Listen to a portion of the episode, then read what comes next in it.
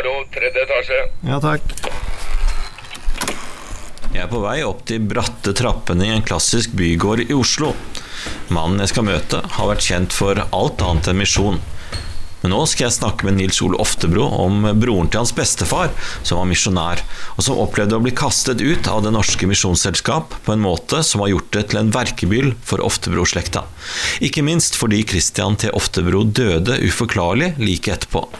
Dette skjedde i Zululand i det nåværende Sør-Afrika i 1888, omtrent samtidig med at tretrappene jeg går i og denne bygården i Oslo ble bygget.